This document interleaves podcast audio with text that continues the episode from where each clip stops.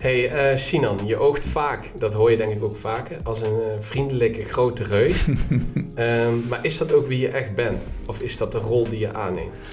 Ja, dan krijg, komt er een andere Sinan naar boven. En dat heeft de kijker nu, uh, nu, nu gezien.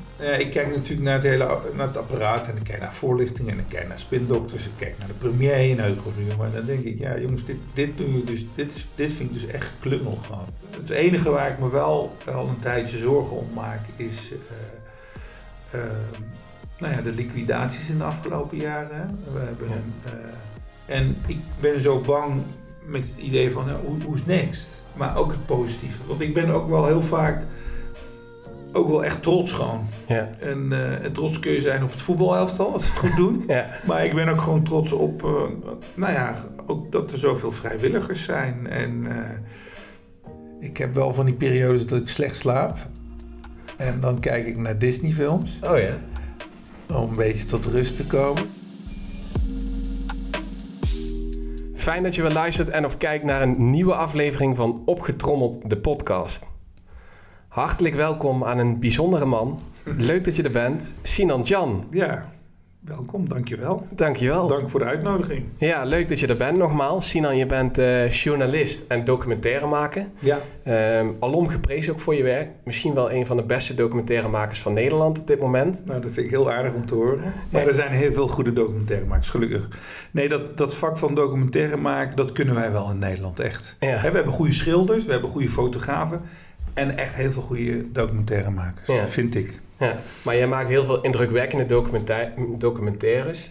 Vaak ook wel met gevaar voor eigen leven. Ja. Uh, je plaatst waarheden in perspectief. En dit alles doe je om een zo helder en eerlijk mogelijk beeld te creëren van hetgeen jij onderzoekt. Ja. Is dat een beetje samengevat wie je bent? Is dat een terechte introductie? Ja, dat is een hele goede introductie. En uh, vooral uh, de waarheid. De waarheid bestaat niet. Hè? Dus een waarheid is een perspectief. En ik mhm. laat een bepaald perspectief zien. Maar in alles wat we, wat we maken samen met het team, is we proberen het wel echt zo integer mogelijk te maken. Mhm. en, en dat vind ik wel echt het belangrijkste. Dat we niemand tekort doen of uh, niemand onrecht aandoen. En uh, ja, het mag ook wel gezegd worden dat. Uh, um, dat, dat ja, dat, kijk, weet je, er zijn, journalisten zijn ook mensen, documentairemakers.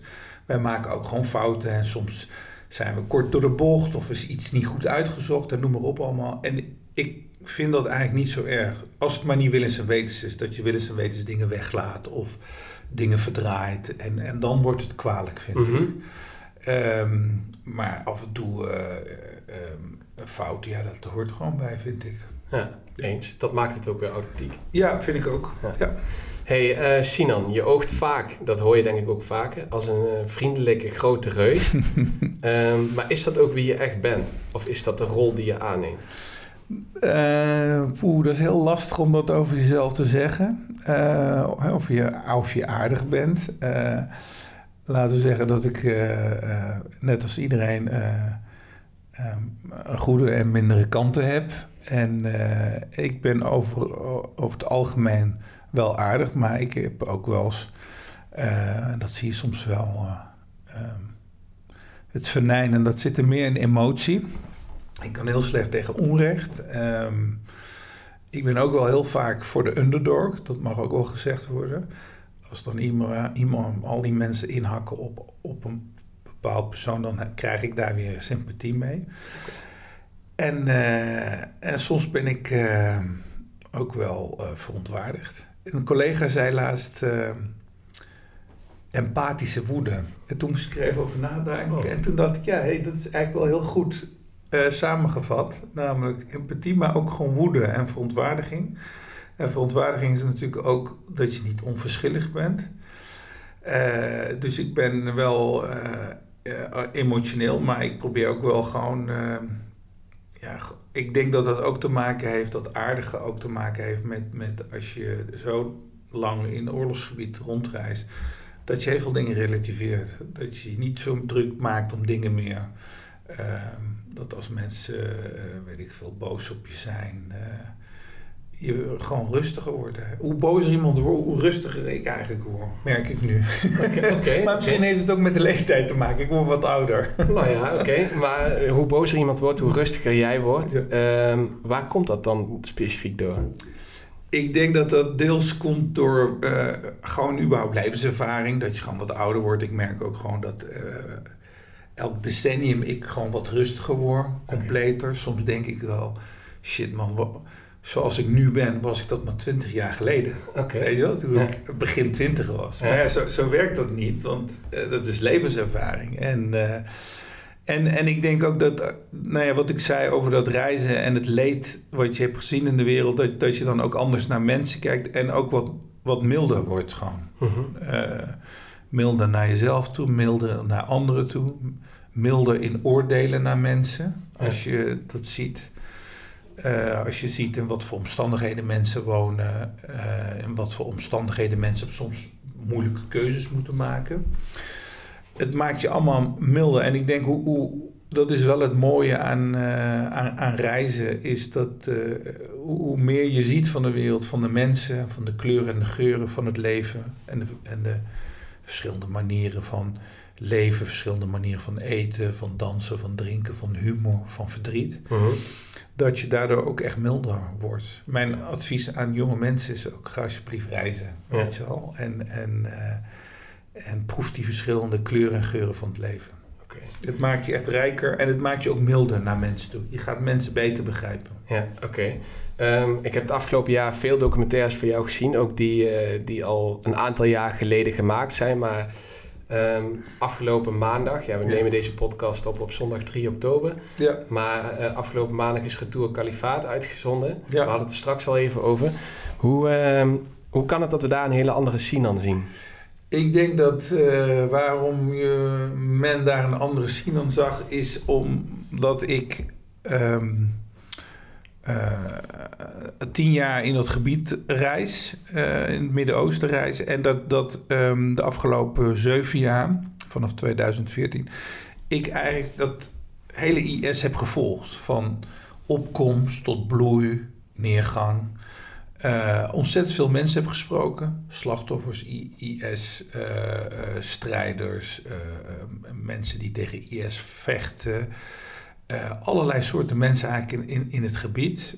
Uh, en dan krijg je ook een wat, ja, laten we zeggen, uh, betere kijk op wat er zich allemaal heeft afgespeeld op verschillende plekken. Hm.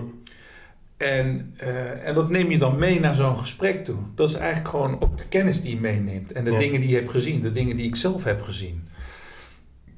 En dan kom je daar en dan hoop je ergens uh, en dat klinkt misschien een beetje gek en misschien ook een beetje naïef van mij. Als, als ik dan zeg, ik heb zoveel gereisd, ik heb zoveel mensen Dat je dan eens een keer hoopt dat je een, een eerlijk gesprek kan voeren met mensen. Waarin ze gewoon ook echt zelfreflecterend zijn, zich naar zichzelf kijken. Naar in de spiegel kijken. Mm-hmm. uh, en een eerlijke kans geven. Dat, dat, dat je ook een, als je zo'n gesprek voert dat klinkt gek, maar onbevooroordeeld het gesprek in met de hoop, misschien zit er nog wel een stukje menselijkheid in de persoon waar ik tegenover zit. En misschien zegt hij wel, ik schaam me heel erg. Ik weet straks niet hoe ik het aan mijn kinderen moet uitleggen. Um, ik verdien straf, hoe gek dat ook klinkt, dat je dat zegt. Hè? Mm -hmm. uh, maar, maar dat je echt op oprecht gewoon uh, uh, na heb gedacht, een paar jaar lang misschien in de gevangenis over wat, wat heb ik nou eigenlijk gedaan? Waarom heb ik me aangesloten bij zo'n organisatie? In plaats daarvan zie je drie mannen die heel minachtend lachen de hele tijd. Um, alles wat, wat, alles wat, wat, uh, alles wat om hun gaat, dat, dat stukje ontkennen uh, niks hebben gezien. Hear no evil, see no evil. Nou, is toch onmogelijk als je in een stad als Raqqa hebt gewoond... dat je niks hebt meegekregen. Ik bedoel, op vrijdagen werden er mensen geëxecuteerd. Er werden mensen opgehangen, er werden mensen gekruisigd... er werden mensen van gebouwen afgeduwd. Uh, er werden mensen in kooien gestopt. Weet ik veel wat allemaal. En ze hebben het zelf laten zien. Ze stuurden de hele tijd filmpjes de wereld in. Ik bedoel, niet dat we nou met een drone daarboven hingen en zagen wat ze nou precies... Zij hebben dit soort dingen allemaal de wereld in, in, ingestuurd. En hebben ons in die zin ook een stukje inkijk gegeven in, in, hun, in hun manier van, van leven. En ja, ik weet ook wel dat dat propaganda is en dat dat propagandafilmpjes zijn en noem maar op allemaal. Ja, en dan probeer je toch een, een, een fatsoenlijk gesprek te voeren met mensen waar je uh, zelf niks mee, niks mee hebt. En vervolgens als, als dan op deze manier ontkennen. En, en ik denk dat het, wat mij het meeste raakte was dat lachen. Oké. Want ik bedoel, ik hoef helemaal niet eens te zijn uh, uh, met iemand. Maar als ik dan een paar dagen heb opgetrokken met Jezidis en de verschrikkelijke verhalen heb gehoord. En de verhalen heb gehoord die ze niet wilden vertellen op camera. En, en uh, en allemaal kinderen zag, uh, ja, dan, dan ga je zo'n gesprek misschien ook wel iets geëmotioneerder in. En dan als men dan ook nog gaat lachen en het eigenlijk best wel grappig vindt. En daarmee heb je ook eigenlijk geen respect voor mij als interviewer. Want mm -hmm. uh, dat is ook een soort manier van bijna iemand belachelijk maken eigenlijk. Gewoon als je het de hele tijd alles weglacht en mij probeert te ontregelen. Want dat is wat, wat, wat ze probeerden. Ja. Ik probeerde hen te ontregelen, zij mij. Het was in die zin ook een spel. Ja, dan krijg, komt er een andere Sinan naar boven. En dat heeft de kijker nu, uh, uh, nu, nu gezien.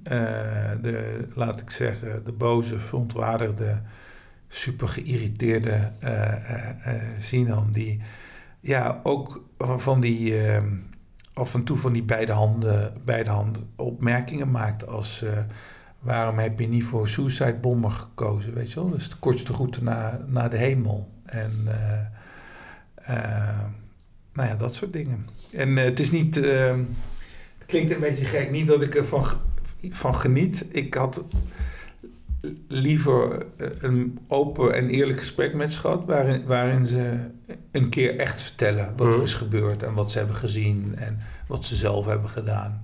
Okay. Uh, in plaats van uh, weer zo'n wel eens niet eens gevecht en alles ontkennen. De een had een groentewinkel. Mm Want ja, nou ja, vanuit Denemarken reis je ook af naar het kalifaat om een groentewinkel te openen. Dat kan niet in Denemarken een groentewinkel openen. Een ander was chauffeur. En daarvoor moest hij dus blijkbaar vanuit Zweden, Malmö, helemaal daar uh, naartoe reizen. Nou ja, en die Belg die, die ontkent het eigenlijk niet. Hè? Die zegt van ik, ik pas voor die vraag. Ja. En, ik, en daarmee zegt hij, hij geeft in die zin wel gewoon antwoord, vind ik. Okay. Namelijk dat hij wel heeft gevochten. Ja. En waarschijnlijk ook mensen heeft vermoord. Waarschijnlijk. Ja. Heftig, maar echt bijzonder werk. Ja.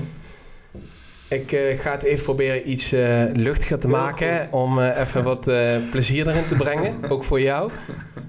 Om jou iets beter te leren kennen heb ik negen dilemma's voorbereid. Oké. Okay. Um, je moet kiezen. Oké. Okay. Dus succes. Oké. het Midden-Oosten of Zuid-Europa? Poeh, dat is een moeilijke, Stefan. Mm. God. Mm. Ja, dan doe ik toch Zuid-Europa. En, en, en, dat doe ik omdat ik, ik hou heel erg van het Midden-Oosten. Ja. Uh, maar de rust zit al in Zuid-Europa. Oké, oké. we gaan Ik gun ook... mijzelf de rust. Oké, oké. Je mag kort toelichten, ja. maar het liefste wil ik er daar één of twee uitpikken ja. waarbij uh, okay. je even kort kan toelichten. S'nachts of overdag? S'nachts. Hoop of liefde? Uh, liefde. Wie is de mol of Johnny de Mol? Johnny de Mol. Vliegtuig of trein? Verzoening of recht? Verzoening. De verraders of slimste mens? Uh, God. Dan doe maar de verraders. Rumi of Mandela? Oh, dat zijn wel hele moeilijke Rumi. Huilen of lachen? Lachen. Oké. Okay. Ja. Dan toch wil ik even inzoomen op die laatste. En je mag er zelf ja. ook in kiezen als je het wil. Ja. Maar Waarom kies je toch voor lachen? Omdat lachen toch wel een van de mooiste uh, emoties uh, is. En huilen is toch altijd... Uh, huilen kan ook mooi zijn, hè? Dat je ontroerd en geëmotioneerd bent. Maar ik denk dat ik iets te vaak huil dan lach, dus daarom kies ik voor lachen. Uh, en wat hadden we nog meer? Hoop of liefde? Ja, ja hoop liefde, of liefde. liefde. Omdat ik weet dat liefde wel veel goed maakt. En, en, en liefde is ook hoop. En. Uh, oh ja, en wie is de mol? En Johnny, ja, die, die is dan niet zo lastig, want Johnny is een dierbare vriend. En uh, ik hou niet zo van amusementsprogramma's. Nee, dat is een leuke dat je hem aansnijdt. Je houdt ja. niet zo van amusementsprogramma's, maar je hebt er wel doelbewust voor gekozen, denk ja, ik, toch? klopt. Wat, uh, wat is de achterliggende gedachte om dan toch mee te doen als je het niet leuk vindt? Achterliggende gedachte is dat bij uh, zo'n programma als Wie, Wie is de Mol uh, toch een groot en breed publiek kijkt. Veel mm -hmm. jonge mensen ook. En ik hoopte eigenlijk door daar mee, aan mee te doen dat um, diezelfde jonge mensen geïnteresseerd zouden zijn in het kijken van docu's. Die, dat, nu is dat best wel gelukt. Ja. Ik krijg best wel vaak ook um, een, een berichtje. Uh, van een scholier of van een, uh, iemand die uh, net een, een, studie is begonnen op de Hmm. universiteit of op een HBO, dat ze ook met veel plezier naar de docu kijken, maar dat ze dat eigenlijk doen sinds ze mij bij Wie is de Mol hebben gezien. Dus dan zie ik ook wel het, het effect. Maar het is, ik heb er nu echt wel aan hele rits programma's meegedaan en soms ook gewoon omdat ik mensen aardig vond en dan dacht ik, dat doe ik gewoon mee. Uh, maar het wordt heel sporadisch om mij nog in een amusementsprogramma te zien. Okay. Misschien helemaal niet meer. De missie is geslaagd wat dat betreft. Ja, ja, ja daar gaat het om. Oké. Okay. We gaan door naar het volgende onderdeel, Sinan. Hierbij heb ik een drietal stellingen voorbereid. Ja. De eerste twee zijn waar of niet waar. Ja. Uh, feitelijk op onderzoek berust. Ja, oké. Okay. En de laatste is een open stelling waarbij ik ja, benieuwd ben of jij eens bent of oneens. En ja. dan mag je hem toelichten. Waarom? In Nederland wordt nieuws vanuit publieke omroepen het minst vertrouwd. Is dat waar of niet waar? Klopt, denk ik waar. Dat is niet waar. Okay. Publieke, gelukkig. Ja, dat is eigenlijk goed nieuws. Ja, ja. Uh, bij jongvolwassenen in Nederland, dat zijn dus mensen tussen de 18 en 24 jaar, is het vertrouwen in nieuws het afgelopen jaar uh, verminderd. Is dat waar of niet waar? Ik denk dat het waar is. Daar heb je gelijk. Okay. Die is waar. Gelukkig. Ja. Nou ja, kijk, we hebben natuurlijk dat hele ding met fake news en ook hoe collega's van de NOS werden belaagd ook. Dus ja, maar dit is dus niet waar. Dit ja. is dus niet waar. Dus dat betekent dat, het, dat de jongvolwassenen zijn, zeg maar, die hebben minder vertrouwen in het nieuws. Ja. Dat is eigenlijk ja, niet goed. Terwijl over de hele gezien, alle leeftijdsgroep, dit onderzoek is gedaan uh, tussen mensen tussen de 18 en 80 jaar. Ja. Representatieve steekproef. Uh, dat het over het algemeen is vertrouwen juist toegenomen. Alleen bij deze groep is het verminderd. Okay, dat is jammer. Maar dan moeten we iets harder werken. Ja? Vind hoe, ik. Hoe zie je dat dan? Nou ja, kijk, uh, ik vind uh, ook nu in die hele corona-periode wat we hebben gehad, vind ik ook gewoon dat de overheid soms gewoon niet goed heeft gecommuniceerd. Alles is communicatie. Mhm. En als, er, als je niet goed communiceert, dan ontstaat er ruis. En in, in, in die ruis, daar, daar springen mensen, groep, groepen in. Zo'n uh, dansleraar Willem Engel of weet ik veel, allerlei andere figuren. Uh, die dan nog meer ruis gaan creëren. Terwijl als je gewoon eerlijk, want dat is het belangrijkste, transparant en uh, helder communiceert. Want ik vind ook dat communicatie is ook, moet ook um, toegankelijk zijn. Weet je, kan wel een hoogleraar laten praten, maar mijn tante Mien uit de Wilmskwartier, die snapt dat niet. En die moet dat ook snappen. -hmm. Uh, en dat heeft de overheid, vind ik, in het begin niet goed gedaan. En daarmee bedoel ik, in eerst, eerst begon het met... we gaan voor groeps, groepsimmuniteit. Ja. Daarna wel of geen mondkapje. Dansen met Jansen, weet je wel. Ja. En, en dat stapelt zich op. Klopt. En dan snap ik dat mensen dan ook gewoon zeggen... ja, maar ik vertrouw het gewoon niet meer. En ik geloof je ook niet meer. Want uh, elke persconferentie is het weer wat anders. En ik vind dat, als we het hebben over communiceren... als er straks een regering is geformeerd ik zou eens even kijken naar de manier van, van communiceren. Of, of je dat even moet evalueren ook. Ook die persconferenties van... hebben wij dat eigenlijk wel op een goede manier gedaan? Als jij de ene week zegt dat een mondkapje geen ruk, ruk uitmaakt... vervolgens drie weken later moet iedereen verplicht een mondkapje... dan denk ik ook van waar zijn ze eigenlijk mee bezig, die gasten ja. daar? Ja. En, en bedoel, dat betekent niet dat je met een aluminium hoedje moet rondlopen, vind ik. Of uh, geloof dat er een, een G5-chip in, je, in, in, in dat vaccin, vaccin zit. Uh, dat, weet je, dat is dan weer het andere uiterste. Ja. Uh, maar ik vind dat mensen best kritisch mogen zijn over als het gaat om privacy. Ja. Weet je wel? Ik bedoel, ik vind dat, als je dat vindt, vind ik je geen gekkie. Alleen, ik vind wel dat, dat je, als je 5G-chip en Bill Gates die ons gaat... Ja, dan sla je wel door, naar mhm. mijn mening. Maar ook daar moet ruimte zijn, hè, in Nederland. Iedereen, ik bedoel, we leven gelukkig in een vrij land. Ja. Uh, maar waar ik me wel aan stoor, en ik zag dat van de week weer ergens... Um, uh, mensen die met jodensterren en zo gaan lopen. Oh, en, en wie is de nieuwe Anne Frank? En dan denk ik, jongens, je mag best een punt maken... maar koppel het nou niet aan de Tweede Wereldoorlog. Ik bedoel, er zijn 6 miljoen mensen vergast, vermoord, uh, op treinen gezet.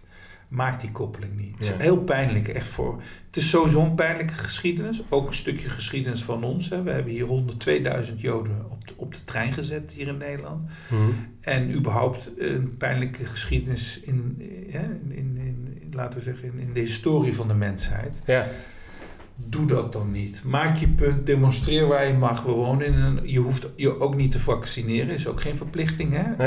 Er zijn nu wel gevolgen aan, zitten eraan vast, dat je geen QR-code hebt.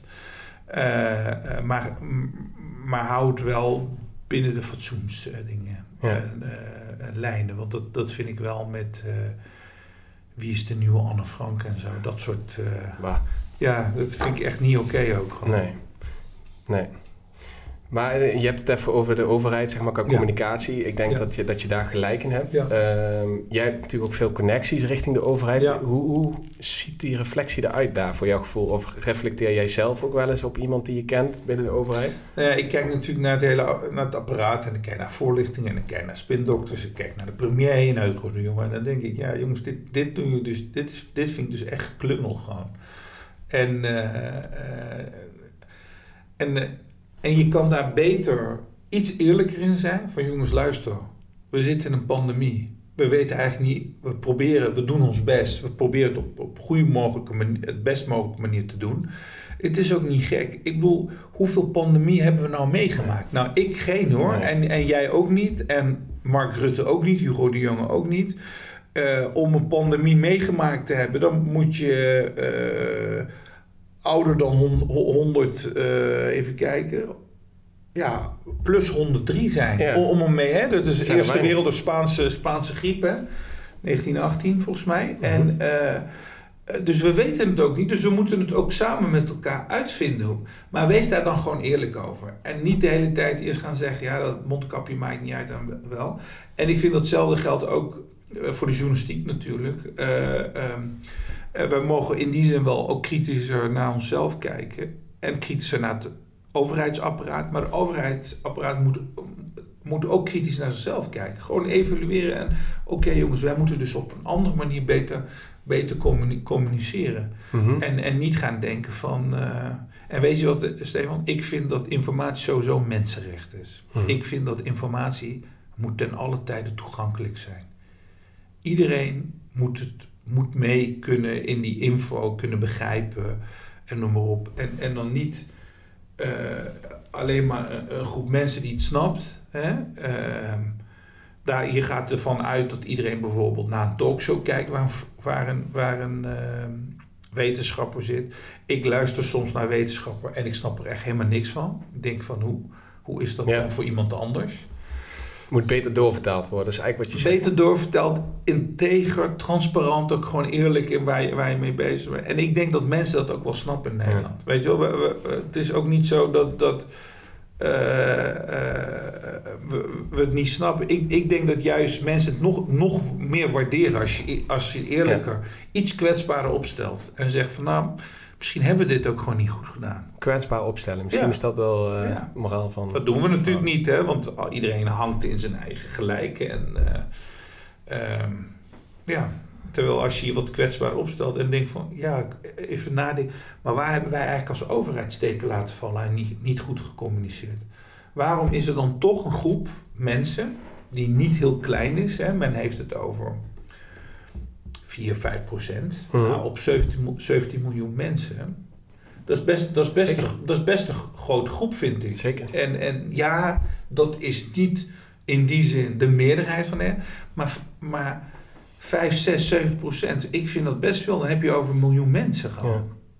Dat is heel veel. Dat is heel veel. En, en ja, nou ja, en je, het, lukt sowieso niet om iedereen in een land tevreden te krijgen. Maar ik vind wel, ik vind communicatie wel echt belangrijk. En ik mis dat soms gewoon heldere communicatie en transparante en eerlijke communicatie. Duidelijk. Sinan, we zijn uh, aanbeland. Je snit hem al even aan bij de overheid. Daar hebben we het zojuist eigenlijk uitgebreid over gehad, moet ik zeggen. Ja. Ehm, hoe beschouw jij de rechtsstaat en het vrije land wat je net benoemt in Nederland? Hoe beschouw je dat op dit moment? Nou ja, ik ben natuurlijk wel... Ehm, als je veel reist, dan zie je natuurlijk wel het verschil met andere landen. En ik denk dat het land waar we wonen, dat dat een prachtig land is, dat meen ik echt. Ehm, we leven in een vrij land. Uh, we kunnen in dit land de koning beledigen als we dat willen. Nou, dat gebeurt af en toe. Hè? Ja, dat gebeurt. Met, met, uh, met de filmpjes, maar ook gewoon mensen die het niet eens zijn. Die vinden dat het koningshuis weg moet. Uh, mensen die het niet eens zijn met Rutte. Ehm, natuurlijk wel binnen, binnen, binnen, binnen de kaders van die rechtsstaat. Hè? Niemand bedreigen of. en um, ja, dus ik, ik heb zoiets van laten we vooral dit koesteren wat we hebben met elkaar. En ja, er zijn dingen die niet goed gaan in dit land, absoluut. We hebben 300.000 eh, kinderen die op of onder de armoedegrens leven. Bijna een miljoen mensen die arm zijn, hè? ook werkend arm. Ja. daar mag best wel iets voor gedaan worden. Want ik vind dat als we in zo'n rijk land leven en er toch zo'n groep kinderen in armoede leven, dat, dat vind ik eigenlijk wel schandelijk. Ja. En los van of die ouders daar schuld aan hebben, maakt mij eigenlijk niet uit. Kinderen zijn kinderen en die kunnen, kunnen geholpen worden. Mhm. Dus er zijn dingen die, die, die beter moeten. Toeslagaffaire was ook een hele pijnlijke uh, casus, vond ik. Absoluut. Waarvan ik dacht van oeh, dit, dit is echt niet goed gegaan. En dit moet zo snel mogelijk opgelost worden. En die mensen moeten geholpen worden. Uh, maar overal, uh, in vergelijking tot andere landen, hebben, hebben het, is het goed georganiseerd. Uh, ik hoef me niet geen zorgen te maken als journalist dat als ik ga slapen, dat ik misschien s'nachts van bed word gelicht door, weet ik veel, regeringsfunctionarissen die boos zijn omdat ik kritisch ben geweest.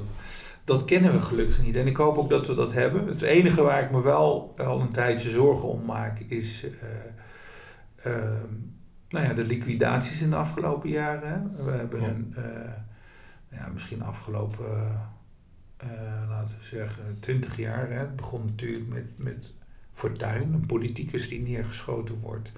Vervolgens is een filmmaker vermoord, Theo van Gogh. Ik bedoel, ik noem ze nu allemaal. Ze hebben niet allemaal... ze zijn niet allemaal geconnect aan elkaar. Hè. Pim Fortuyn is door, door zo'n milieuactivist, Volkert van der G uh, Mohammed B., een uh, radicale moslim, heeft Theo van Gogh vermoord. Maar vervolgens is in dit land ook een, een advocaat vermoord. een journalist is vermoord, hè? Peter R. de Vries. de broer van een, een kroongetuige die, die belangrijk is in, in, in die zaak. En ik ben zo bang met het idee van, nou, hoe, hoe is next? Weet je wel? En als ik dan ook hoor dat, dat rechters zwaar eh, bewaakt worden, dat een burgemeester onderduikt in het buitenland, uh, denk ik van, oeh, dat is helemaal geen goede ontwikkeling. En daar moet de politiek dus niet alleen strenger, maar ook harder aanpakken en er echt serieus werk van maken. En niet als uh, Peter de Vries wordt vermoord met z'n allen vooraan staan, uh, huilie huilie doen. Maar ook denken van oké, nu, nu, nu is het klaar. Weet je wel, nu, nu gaan we serieus geld stoppen in crimesbestrijding en noem maar op allemaal. En, en we gaan het gewoon in, in, in de wortel aanpakken. Zeg mhm. En dat is wel een ontwikkeling waarvan ik denk van die is niet goed.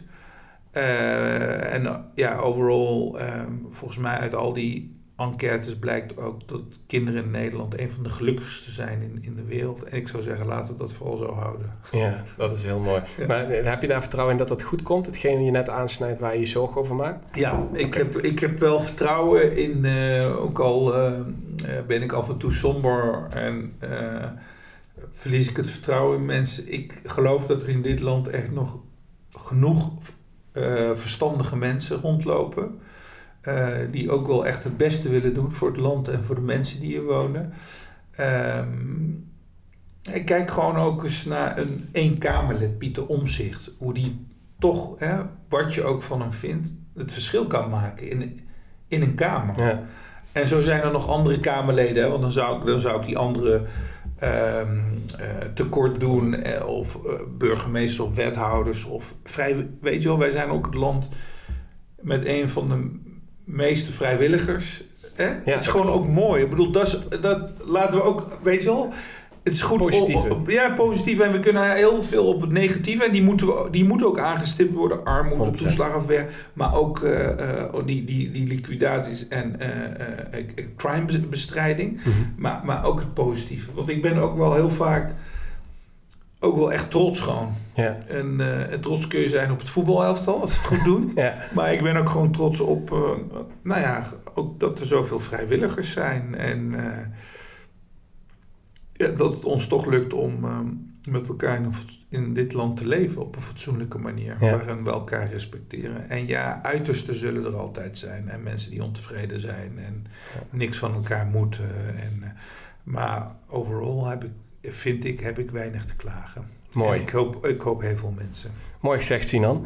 Ja. Um, daarmee beschouw je eigenlijk ook in één klap meteen het journalistieke klimaat. Want je zei al van dat je je als journalist gewoon heel prettig voelt. Je hoeft je geen zorgen te maken dat je van je bed gelicht wordt. Dus daarbij ook gewoon blij mee. Laat ik zo zeggen, Stefan, er is nog nooit in, in ik, ben, ik ben al 18 jaar journalist. Er is nog nooit mij in die zin overkomen dat ik iets niet mocht maken. Zeg maar. Nee. Dat, dat er tegen mij werd gezegd, hey, hallo, uh, ophoud met dat onderwerp. Uh. Dat is onwijs belangrijk goed denken, of niet? Ja, maar dat is ook, dat is ook heel belangrijk. En, mijn collega's zijn, zijn nou ja, ik, er lopen in de journalistiek echt fantastische mensen rond. en die zouden dat ook nooit accepteren. Dat bijvoorbeeld een hoofdredacteur belt en die zegt, ja, oh, wacht even, daar mag je geen verhaal over maken. Ik weet in ieder geval vanuit mijzelf dat... dat um, alles gemaakt kan worden. Ik bedoel, Zembla heeft een hele... Ik heb heel lang bij Zembla gewerkt. Die heeft gewoon een hele kritische uitzending over het Koningshuis gemaakt. Hè? Over uh, subsidies en, uh, en dat, dat kan. En de vraag is of dat in een ander land kan. Vaak niet, weet ik. Dat als je de macht zo aanpakt, dat, dat je dan ook echt uh, problemen krijgt. En dat is ook iets om te koesteren. Ja. Okay. En, en ook aan vast te houden, hè? persvrijheid. Dat, dat we dat ook niet weggeven, zeg maar. Nee. Eens. Mooi. Ik heb de derde en laatste stelling. Het is een open stelling. Mhm. um, iets met gevaar voor eigen leven ondernemen, of het nu je werk, hobby en of levensdoel is, is egoïstisch ten opzichte van de mensen die van je houden. Ben je het daarmee eens of oneens en waarom? Ik ben het daar niet mee eens, omdat ik zie dat uh, um, uh, mensen soms echt het verschil maken doordat ze moedig zijn, uh, doordat ze misschien een leven in een weegschaal zetten. Uh, en dat is juist niet egoïstisch, omdat je, je wil iets veranderen. En daarmee vind je eigenlijk je eigen leven onbelangrijk. Maar dan vind je de verandering is belangrijk. Uh, ik heb gewoon echt mensen gezien die, die, uh, die zichzelf hebben opgeofferd om iets te veranderen. En dat is ook soms gelukt en soms, soms niet. Um, weet je, je had een groenteman die had zichzelf in brand gestoken in Tunesië. Ja, wat, die, wat die heeft veroorzaakt. Op de markt, toch? Ja, ja. In, in het Midden-Oosten. Uh, ik heb vrouwen gezien die vochten tegen IS. Echt uh, op, op leven, leven en dood. En uh, um, ja, ik, het is wel denk ik dat het meestal mensen zijn die er echt ook in geloven dat ze iets gaan, iets gaan veranderen. Echt een soort bezieling. En ik vind dat wel mooi dat je dan niet meer bang bent voor de dood, maar alleen maar denkt van uh, uh, waar sta ik in het leven en, en wat kan ik doen om misschien de wereld een stukje mooier, rechtvaardiger te maken. En moet ik dan misschien mijn leven daarvoor opgeven? En dat heb ik ook gezien in Saudi-Arabië, die vrouwelijke activisten, die dan door de barrières van angst gaan en mhm. denken, ja maar misschien heb ik er niks meer aan, maar misschien de volgende generatie vrouwen. Of die nog een generatie verder. Ik vind dat heel mooi, ik vind het heel, uh, los van heroïs, heel moedig ook als mensen dat kunnen. En doen ook. En, uh, maar dat is, dat, dat is echt, Stefan, een ander soort moed dan dat ik een programma ga maken ergens. Echt. Want dat. dat kijk, ik, ik vraag nu, ja. Dat, wat ik doe is prima. Ik reis af met Bruce Amende, de cameraman en vriend. Mm een van de moedigste mensen die ik ken. We gaan ergens naartoe en het kan best gevaarlijk zijn daar. Maar we zijn passanten, we komen weer terug. Mhm. In ieder geval als het lukt om terug te komen. We halen, we halen ons verhaal en we komen terug. Maar de mensen die daar zitten, die zich verzetten of die, die, die bijvoorbeeld hun kinderen door die oorlog proberen te loodsen. Ja, ik vind dat pas echt moedig. Ik vind het moedig dat je je sterk maakt voor mensenrechten en vrouwenrechten. En dat je weet dat je s'nachts uit bed gelicht kan worden. En meegenomen kan worden. En doodgemarteld kan worden. En in de gevangenis kan belanden. dat is gebeurd in, in, in, uh, in, in een land als Saudi-Arabië. Dat ze die, die vrouwen jaren hebben vastgezeten. En gemarteld zijn. En, en nog niet zo lang geleden, een tijdje geleden in Libië, een vrouwelijke activist die vermoord is, uh, doodgemarteld is. Ja, dat is echt, dat is een ander niveau. Echt waar. Ja. Dus, uh, dat kennen wij hier niet. En ik hoop ook dat we dat soort dingen hier niet hebben. Hè. Dat, dat, we, uh, dat, dat kennen we misschien ehm, van het verzet in de Tweede Wereldoorlog. Hè. Dat mensen dachten van, we moeten ons verzetten tegen die Duitsers. Maakt niet uit wat. Stefan, dat is vergelijkbaar met de Tweede Wereldoorlog, waarin we hier natuurlijk ook een aantal verzetshelden hadden. In Nijmegen ook. Hè? Mhm. Jan, Jan, van Hoofd. Hè, de man die, uh, wordt gezegd, uh, uh, bommen onschadelijk heeft gemaakt. die waren geplaatst door de Duitsers op de Waalbrug, zodat de geallieerden eigenlijk niet door konden, konden rukken. Of mhm. door konden stoten richting Nijmegen en Nijmegen konden bevrijden. En hij is dus ook later opgepakt, uh, of hij is opgepakt door de Duitsers en, en ook doodgemarteld. Ja, ik vind dat dan gewoon echt een held gewoon. En uh, een held die verbonden is ook aan deze stad, aan de geschiedenis van deze stad. Deze stad waar ik woon, waar ik geboren ben. En uh, ik kan het natuurlijk heel ver wegzoeken in het Midden-Oosten, al die helden. Dat is ook prachtig om die mensen te eren. Maar ik vind het ook wel mooi om de mensen die hier het verschil hebben gemaakt, en ik vind dat, uh, om die ook te eren. En ik vind zo'n uh, Jan van Hoof vind ik dan ook gewoon een, uh, vind ik een held. Ja. Een held van onze stad. En terecht ook dat hij zo geëerd wordt hoor. Ehm, zeg je heel mooi. Ik sluit me daar volledig bij aan. Um, ik, ik, zei de stelling natuurlijk ook omdat ik hem een beetje op jou probeer te ja. plaatsen. Um, ik heb eventjes gekeken, een interview van jou in 2017 met BNN Varen. Mm. Ik citeer je, toen zei je... toen we vorig jaar in een hinderlaag van de Taliban liepen... zou ik stoppen met reizen naar conflictgebieden. Twee maanden later zei ik ja tegen Bien en Vara... gingen we aan de slag met dit tweeluik. Ik zeg vaak het houdt een keer op... maar misschien bedoel ik dat wel letterlijk... dat ik pas stop als ik doodga. Dit was volgens mij een interview... naar aanleiding van In Spoor van IS. Ja. Uh, hoe kijk je daar nu naar? Uh, Is daar iets in veranderd? Of? Nou ja, ik heb wel nu vaak, iets te vaak gezegd, uh, er komt een moment dat ik stop. Uh, ik denk ook dat je dit ook niet te lang moet doen. Dat je dit niet 30 jaar moet doen. Ik denk ook niet dat ik het 30 jaar kan volhouden. Maar ik heb er nu 10 jaar op zitten. En ik weet eerlijk gezegd niet hoe lang ik nog doorga. Huh. En of het ergens nog eens een keer echt ophoudt. Namelijk dat je uh, het een keer niet uh, overleeft. En een, en een bomaanslag overleven. En een hinderlaag overleven. En allerlei andere incidenten die ik heb meegemaakt. Ja. Uh, ja, kan ook gewoon een keer zijn dat het geluk gewoon ophoudt. En, en dat het wel net misgaat. Ja. En, maar ja, ik weet het nog niet. Ik, ik bekijk het ook per per jaar eigenlijk een beetje. Of ik het nog wel, nog wel leuk vind. Ik zou het zelf wel leuk vinden om ook wat dingen te maken in andere gebieden en andere okay. thema's. Ook luchtig. En ja, nou ja, er zijn nog wel wat plannen nu om ook bijvoorbeeld dingen in Europa te maken of dingen in Nederland te maken. Dat ik misschien gewoon hier eh, binnen de landsgrenzen iets maak. Ja. Uh, maar dat moet dan ook wel iets zijn wat bij mij past en waar ik ook voldoening uit, uit haal. Snap ik, want hoe ga jij om eigenlijk met intens zware emoties als jij terugkomt? Want je hebt bijvoorbeeld gestaan op de plek waar ja. Saddam Hussein uit de bunker werd ja. gehaald door Amerikaanse soldaten. je bent het huis van Bin Laden geweest, op allemaal ja, hele bijzondere plekken eigenlijk wel. En je ziet heel veel onrecht, je ziet verdriet, dood. Hoe, hoe ga je daarmee om als je terugkomt? Nou, dat is een hele grote overgang natuurlijk als je terug bent in Nijmegen. En ik wandel veel. ik ga dan ook graag naar de markt.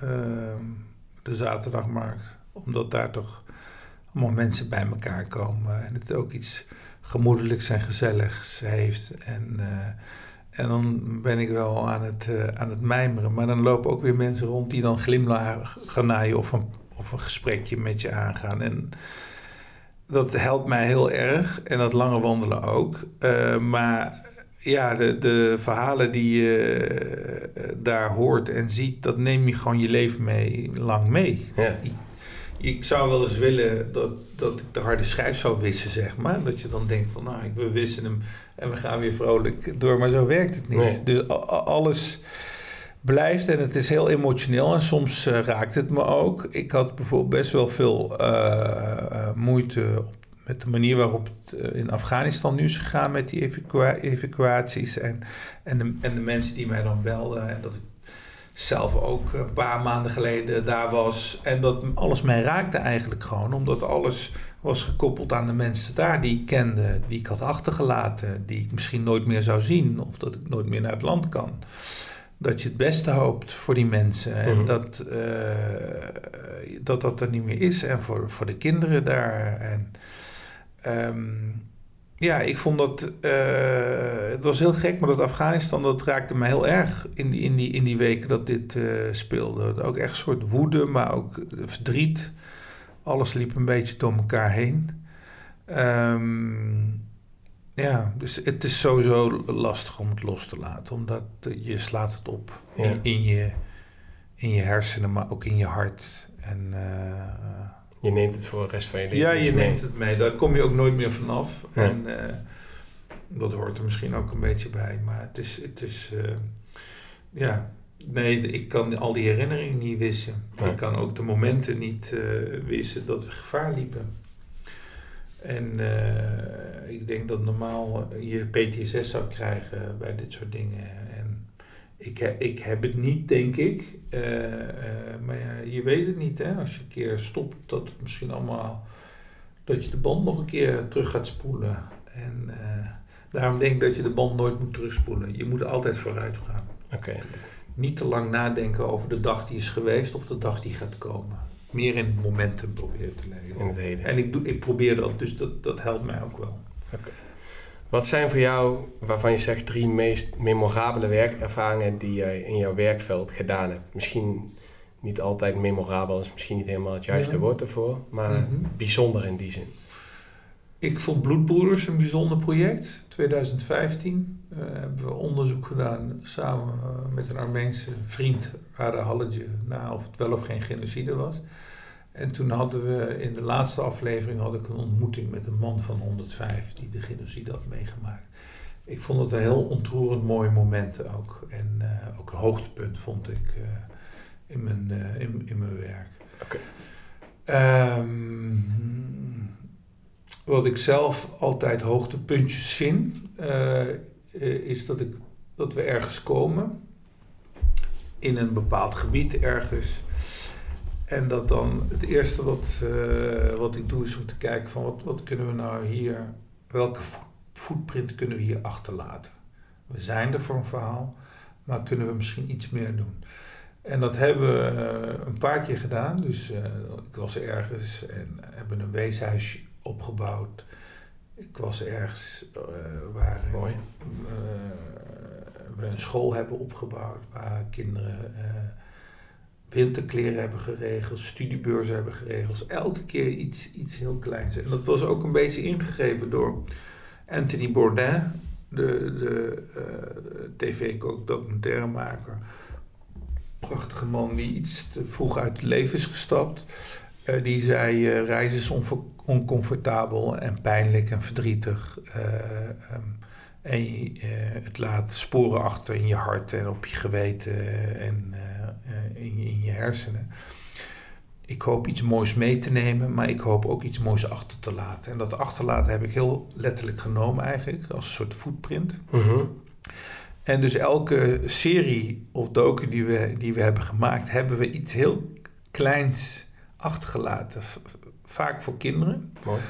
En, uh, en um, uh, dus dat, dat vind ik, als je het hebt over hoogtepunt, zeg maar, in mijn carrière, in mijn, in mijn werk, wat ik doe. Ik vind dat echt een hoogtepunt, dat we iets achterlaten. Zeker. En daar heeft dat weet te kijken niet altijd, hoeft ook niet, daar gaat het ook niet om. Het gaat ook echt niet om, uh, om schouderklopjes of wat dan ook, weet je wel. Of om te laten zien uh, dat je goed bezig bent. Maar het gaat er gewoon om dat je misschien iets, klein beetje, 0,01% in het leven van zo'n kind een verschil ja. kan maken. Doordat hij gewoon winterkleren heeft en in de winter niet koud is. Of dat, hij, dat we een bed hebben gekocht met een matras en dat hij niet meer op, op, op, op de vloer hoeft te, hoeft, te, hoeft te slapen. Of, of een schooltje wat we hebben opgebouwd, dat, dat er geen gaten meer in de muren zitten. Die veroorzaakt zijn door granaten. En, uh, Enorm waardevol. Ja, dat soort, dat soort kleine, kleine dingen. Dus dat, dat, dat, dat vind ik een... Uh, erg waardevol. En uh, wat ik ook altijd wel een hoogtepunt vind als ik een documentaire heb afgerond. Dan wordt aan mij gevraagd: wat is nou het beste wat je hebt gemaakt? Ik zeg het laatste wat ik heb gemaakt. Okay. Hoe bedoel je dan? Omdat ze altijd in Hilversum zeggen: je bent zo goed als je laatste film. Nou ja. En uh, dus als je mij over een jaar vraagt, wat was je beste film? Ja. Dan ga ik zeggen, nou ja, het, het, laatste wat we hebben uitgezonden. Nou ja, ik vind uh, een van je laatste documentaires eigenlijk is My 9-11 ja. samen met Floortje Dessing toch hè? Ja. Uh, daar ging jij naar Afghanistan. Wat me heel erg bijbleef uit die documentaire is wel een uitspraak van die kleermaker. Ja. die vertelde van, ik, weet, ik, ik heb het opgeschreven dat ik, Ik dacht, ik vlieg. Ja, je weet hem uit je hoofd. Oorlog is niet voor mensen, maar voor wilde dieren. De oorlog van de mens is de dialoog, het debat, vriendelijk en diepzinnig. Ja, prachtig. Is dat een moment waarbij je denkt van, zo, Ja, hier doe je het voor? Zeker. En ook helemaal voor iemand die alles heeft verloren. Ja, eh, eigenlijk verbitterd moet zijn. Vol van wraak hè? En, en, en boosheid en woede. En dat hij dus ook vindt dat de oorlog zinloos is. En dat het alleen maar ellende veroorzaakt. En dat het diepzinnige zit in het debat en de discussie met, met elkaar. Ik vind dat heel mooi, eigenlijk heel ontroerend. Ik vond het ook een hele mooie, mooie quote. En ik vond hem ook mooi om, om dat, te horen van iemand die echt alles heeft verloren. Ja. Hij heeft helemaal niks meer. naar de vergeldingsacties. Drie boeren verloren, eh, drie broers verloren, zijn huis, zijn winkel, zijn inkomen. Eh, leeft echt onder grote armoede nu. Eh, probeert er iets van te, te maken. Maar als je zoveel tegenslagen hebt gehad in het leven, had je ook best kunnen zeggen: Ik wil de wereld in brand steken. Ik haat mensen, weet je wel. Maar dat je dan zegt: Nee, het is voor wilde dieren en oorlog. En de oorlog van de mens is hè, de debat en de discussie en de diepzinnige. En het, eh, ja, vind ik heel mooi. Ik vond dat ook een van de mooiste quotes van de docu. Staat eigenlijk ook wel een beetje misschien voor jou, toch? Omdat jij natuurlijk ook altijd de dialoog aangaat met wie dan ook. Ja, ik vind dat heel belangrijk als journalist dat, dat je ook met die mannen die ik dan heb geïnterviewd voor Retour Califate, waar ik helemaal niks mee heb, eh, probeer, probeer ik me toch te verdiepen in waarom sluit je je dan aan bij zo'n groep? Wat is er dan met je misgegaan als je in Denemarken bent geboren, in Aarhus? Eh, hoe kan het dat je dan, hè, dat zeg, vraag ik ook aan hem, hoe kan het dat je hier dan eindigt? En hij zegt dan, ja, er is iets gebeurd in mijn, in mijn jeugd. Hij Mhm. vertelt verder niet wat dat is, hij wilde daar niet over praten. Hm. Ehm, maar ik ben daar zeker in geïnteresseerd. En waarom mensen bepaalde eh, eh, keuzes maken. Maar ehm, ja, je probeert eigenlijk een fatsoenlijk gesprek met ze te voeren. En dat lukte niet altijd. Dat is ook af en toe opboksen tegen een, eh, tegen, tegen een muur. En, eh, Ja, maar, eh, maar ik bedoel, dat is wel ook deel van, van ons werk gewoon om mm, ook de mensen waar je niks mee hebt, eh, om daar een fatsoenlijk gesprek, een goed interview mee te houden. En ja, soms wordt het een beetje persoonlijk. Zij maakt het ook heel persoonlijk naar mij toe, hè? door de hele tijd de bal terug te kaatsen van, maar ja, oh, je- ben je ook moslim en eh, staat toch gewoon in de Koran, wat zit je te zeuren, weet je wel, dat soort dingen. En eh, nou ja, het is. Eh, het is niet dat ik hoop dat, ik, dat elke documentaire, dat, weet je wel, zo het bloed onder mijn nagels vandaan halen. Het- het- ik was ook echt, ik merkte ook echt dat ik dagen gewoon boos was. Gewoon, hm. gewoon door, door dat interview. En dat ik de, de band weer terugspoelde en dacht ik, oh ja, dat heeft hij ook echt zo gezegd. En ja. Maar in ieder geval de quote van uh, de kleermaker ja. Noor Ahmad Alakozai. Ja. Corrigeer me als ik het een keer uitspreek. Maar die, uh, daar kan jij je ook helemaal in vinden. Ja, zeker, absoluut. Hoe gaat het uh, met de mensen die je gesproken hebt in de documentaire? Weet je dat? Niet zo goed. Uh, niet dat ze nu direct gevaar lopen door de Taliban. Maar ze hebben zoiets van, waar, waar gaat het naartoe, het land? Hmm. En, en ja, we hebben al...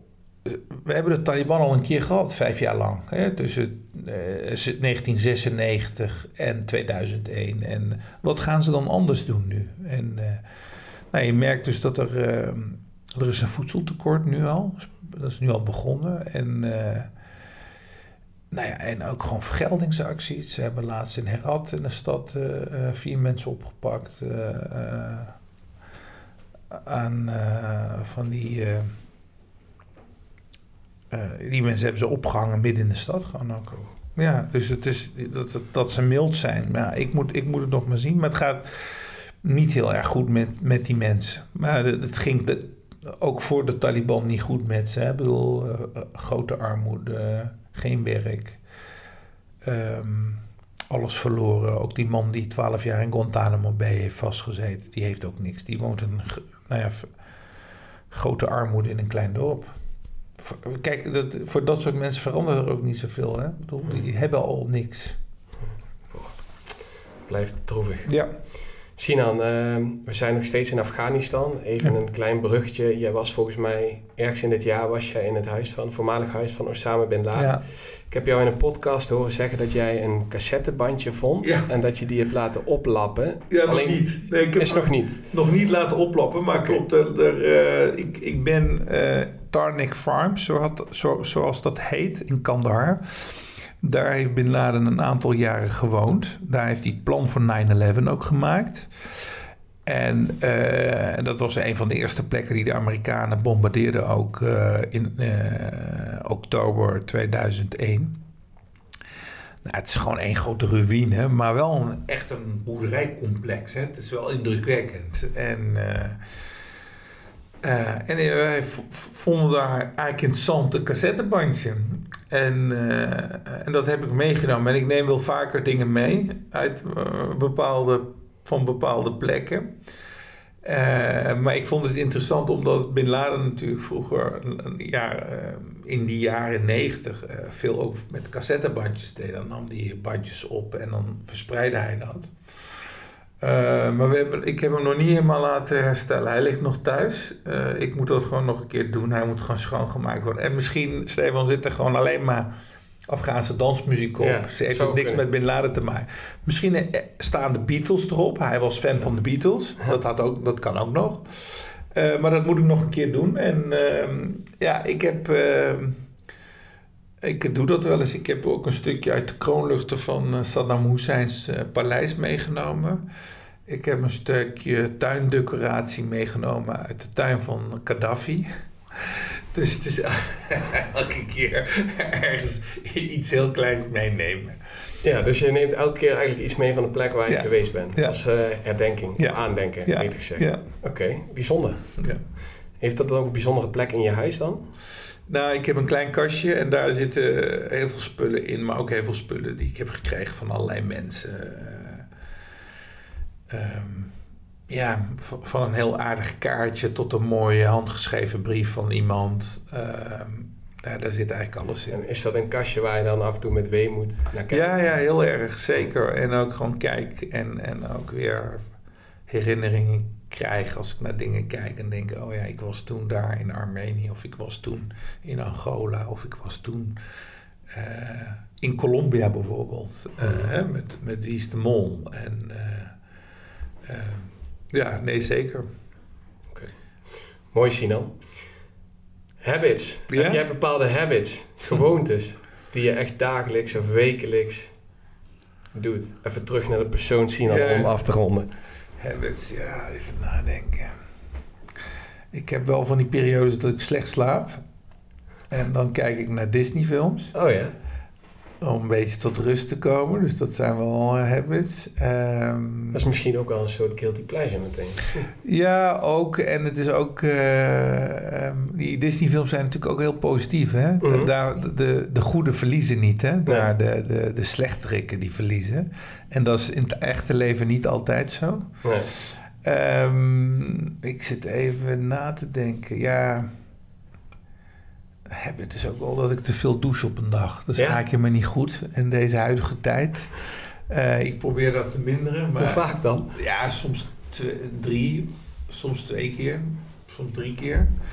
Maar het is meer omdat ik dat fijn en het geeft me heel veel rust. En uh, het ontspant echt heel erg. Ik hou heel erg van warmte, dus ook van warm water.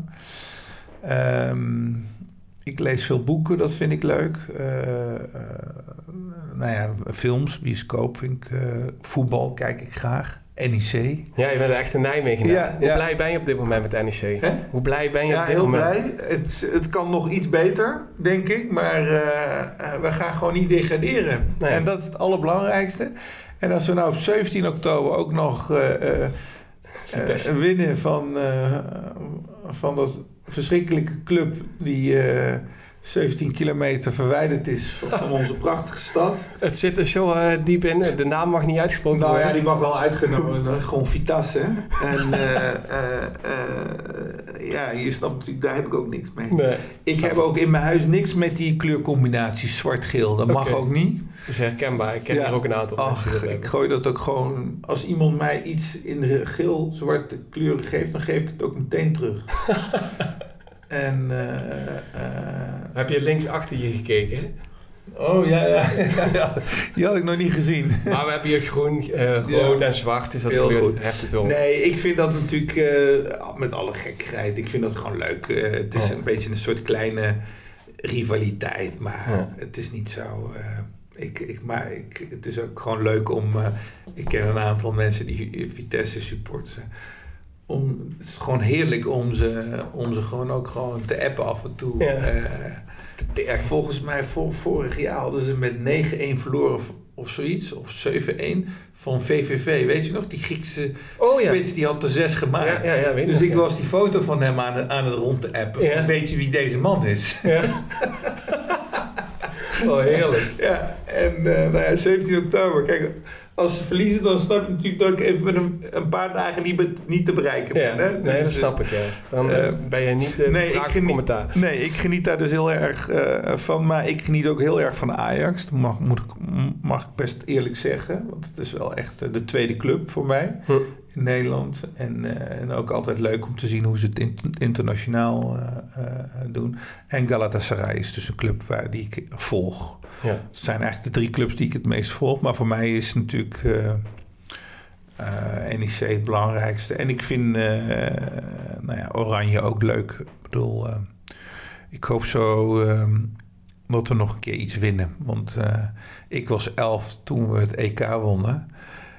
En dat was echt een ontzettend mooi en groot feest. Ik zou dat nog wel eens een keer willen meemaken. Ik denk van, wanneer gaan we nou eens een keer meemaken dat wij eens een keer wereldkampioen ja. worden? En niet drie keer net niet. Ja, prima, hè? Ja. ja, en uh, uh, ja, dat wil je ook gewoon meemaken gewoon in dit land. En, uh, maar dat, e dat EK en, en hoe wij in de finale zo wonnen met zo'n magistraal doelpunt van Van, van Basten ook. Ja joh, het is... Het, het was zo leuk. Ja. Echt, ja. Dit, weet je, als je het hebt over fijne herinneringen 88, dat, dat is gewoon een mooi jaar. Ja. En uh, nou ja, om, ook omdat je bent 11 uh, met je vriendjes en vriendinnetjes van de. Ik zat nog op de basisschool. Kijk je naar die wedstrijd. Super spannend ook. Hè? Gewoon te spannend eigenlijk. Voor, voor, voor wat je aan kan op die leeftijd. Ja, en ja. wij allemaal. En, en de ene zat de nagels te eten. De ander durfde niet, niet, niet te kijken. En dan scoor je gewoon twee keer en een fluitsignaal. En dan, weet je wel, wij zijn Europees kampioen. En dan ga je dus feesten in de straten met, met je klasgenootjes. En dat, dat is... Ja, dat is gewoon... Dat is waanzinnig. Dat is echt waanzinnig. Ik bedoel, kijk, Nederlandse clubs hebben natuurlijk wel nodig gewonnen. Hè? Ajax Champions League. Maar het is toch anders als Oranje. Hè? Uh, heel Nederland... Uh, een feest viert. De eensgezindheid is ja. prachtig die loskomt altijd. Ja, en dat is ook zo, want dat, dan zie je ook gewoon voor iemand die dan elf is en een migratieachtergrond, wel in Nijmegen geboren is, maar een migratieachtergrond heeft. Mijn ouders komen uit Turkije. Dat je je zo verbonden voelt met het land ook gewoon. En, en uh, nou ja, ook in, in, in de, in de wijvormbraad en, en dat soort dingen. En dat, dat ja, nou ja, ik hoop dat het nog een keer mee te maken. Ik hoop echt dat we een keer gewoon wereldkampioen worden. Gaat gebeuren. Ja, ja. Ongeacht. Ja, ik denk dat, hoe lang moeten we nog wachten? Tering, straks ga ik weet ik wel over 30 jaar dood en dan worden we over 35 jaar wereldkampioen of zo. Hey, voetbal is wel echt passie voor jou, daar kom je wel even voetbal, naar boven. Ja, voetbal vind ik prachtig, echt. Ik vind het een prachtig uh, spel ook. En het, om in het stadion te zijn is mooi, maar ik vind het zelfs leuk om naar een amateurwedstrijd te kijken. Ja. Vind ik echt, bedoel, blijft gewoon een mooie sport. En uh, ik heb zelf ook lang uh, uh, gevoetbald, heel lang in de jeugd gevoetbald ja. bij allerlei clubs uit Nijmegen.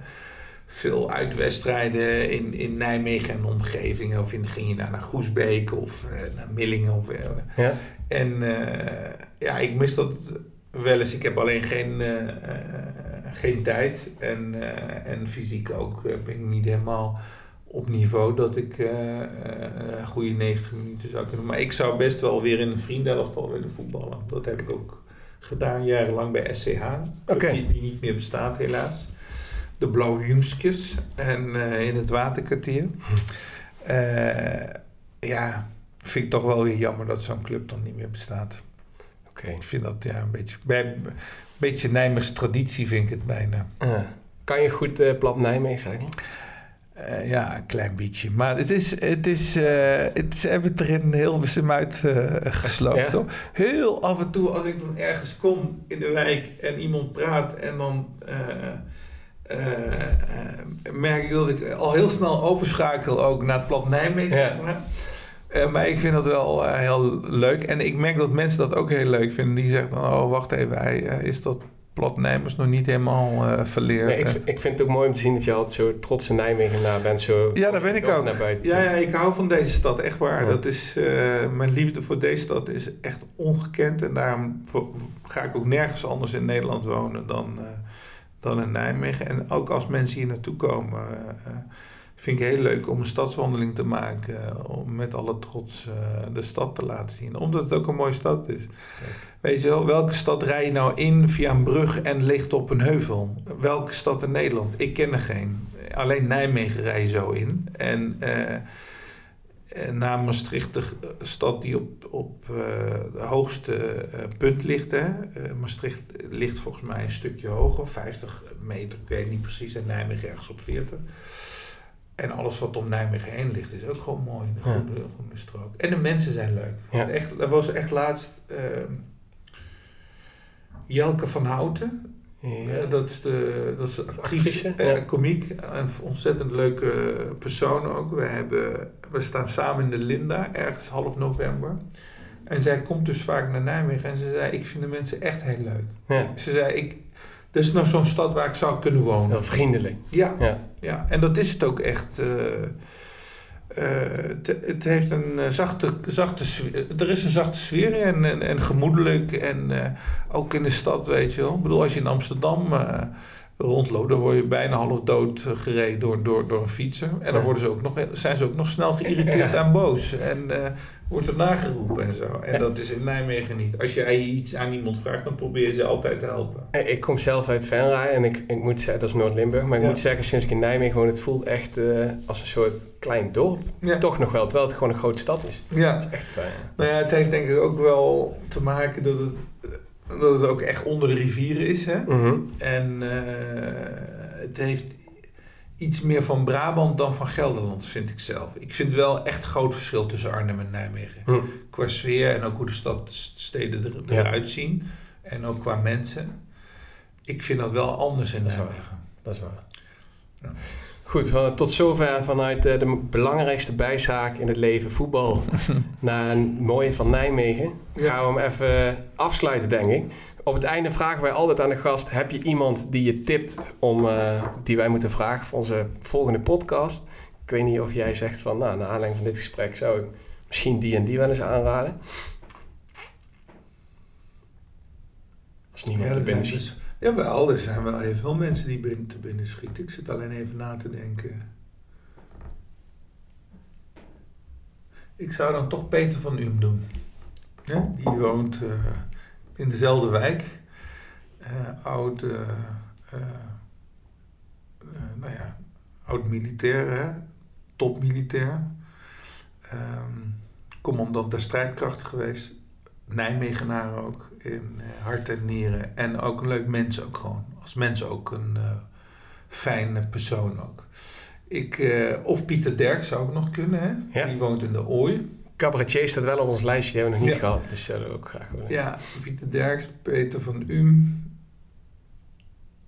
Torre Florum van de Staat. Oh, ja. Komt ook uit Nijmegen, woont in Nijmegen, woont in Nijmegen West volgens mij. Ja, nee, er is nog een heel lijstje van, Mooi. Uh, van, van, van, van, mensen die je uh, kan, uh, kan interviewen. Goede aanrader, Sinan. Ja. In ieder geval heel hartelijk dank voor je komst, voor je deelname. Ik vond het een heel fijn gesprek. Dankjewel. Ja, jij ook. Dankjewel.